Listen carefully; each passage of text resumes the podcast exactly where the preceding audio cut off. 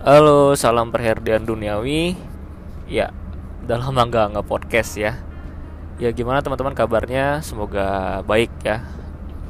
Ya di tahun 2022 kali ini bagi teman-teman atau adik-adik fresh graduate yang masih berjuang untuk mencari pekerjaan, semoga cepat dapat ya. Amin. Nah, berhubung tahun baru, semangat baru gitu ya. Ya, teman-teman udah bisa nih persiapkanlah uh, segala yang perlu disiapkan untuk uh, berjuang mencari pekerjaan lagi gitu ya. Nah, uh, berkaitan dengan perjuangan gitu ya.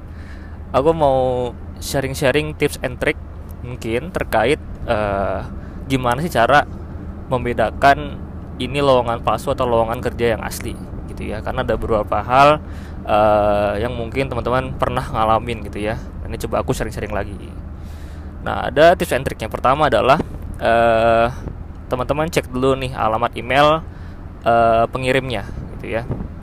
Nah, biasanya kalau email asli contoh nih misalnya PT maju mundur gitu ya.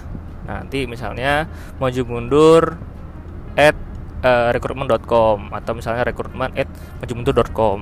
Nah, itu kan resmi karena kan pakai domain perusahaan. Tapi kalau misalnya teman-teman dapat nih uh, maju mundur recruitment at gmail.com atau @yahoo.com itu kan pakai akun pribadi. Nah, itu sudah bisa dipastikan bahwa uh, itu adalah alamat email yang palsu dari perusahaan tersebut. Gitu.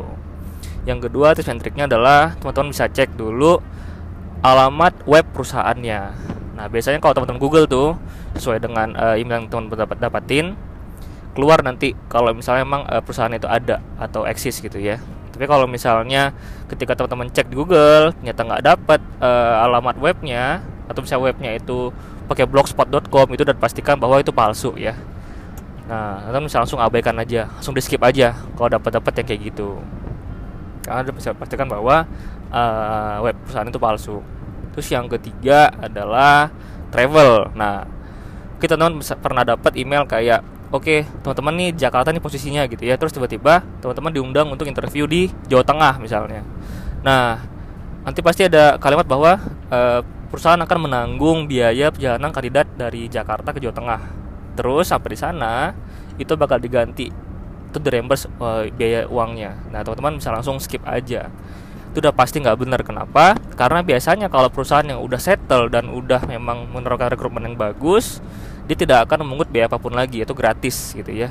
Jadi teman-teman kalau dapat email kayak gitu nyuruh teman-teman misalnya keluar kota dan itu akan diganti uangnya itu udah pasti udah pasti fix uh, palsu. Langsung di skip aja gitu. Yang terakhir mungkin uh, memastikan ya. Jadi teman-teman misalnya mungkin dapat uh, locker nih dari Jobstreet ataupun dari LinkedIn gitu ya. Nah teman-teman bisa langsung aja reach ke HR nya. Biasanya itu ada kontaknya tuh di situ. Teman-teman bisa DM di LinkedIn ke ke HR-nya untuk memastikan bahwa ini benar nggak lokernya? Atau misalnya teman-teman dapat di Jobstreet nih. Di Jobstreet itu ada uh, nomor perusahaannya. Nah, teman-teman kalau memang memastikan bahwa uh, itu benar apa enggak teman bisa langsung kontak ke uh, nomor tersebut. Itu jadi itu mungkin sharing-sharing tips and trick ya uh, bagi teman-teman yang mungkin mau berjuang di tahun ini yang masih berjuang lah ya. Semoga urusan dimudahkan dapat tempat kerja yang diinginkan gitu ya. nah, semoga ketika diterima karya lancar. Gitu sih. Nah paling itu aja bisa aku sharing-sharing. Semoga bermanfaat. Oke okay, see you next time. Bye bye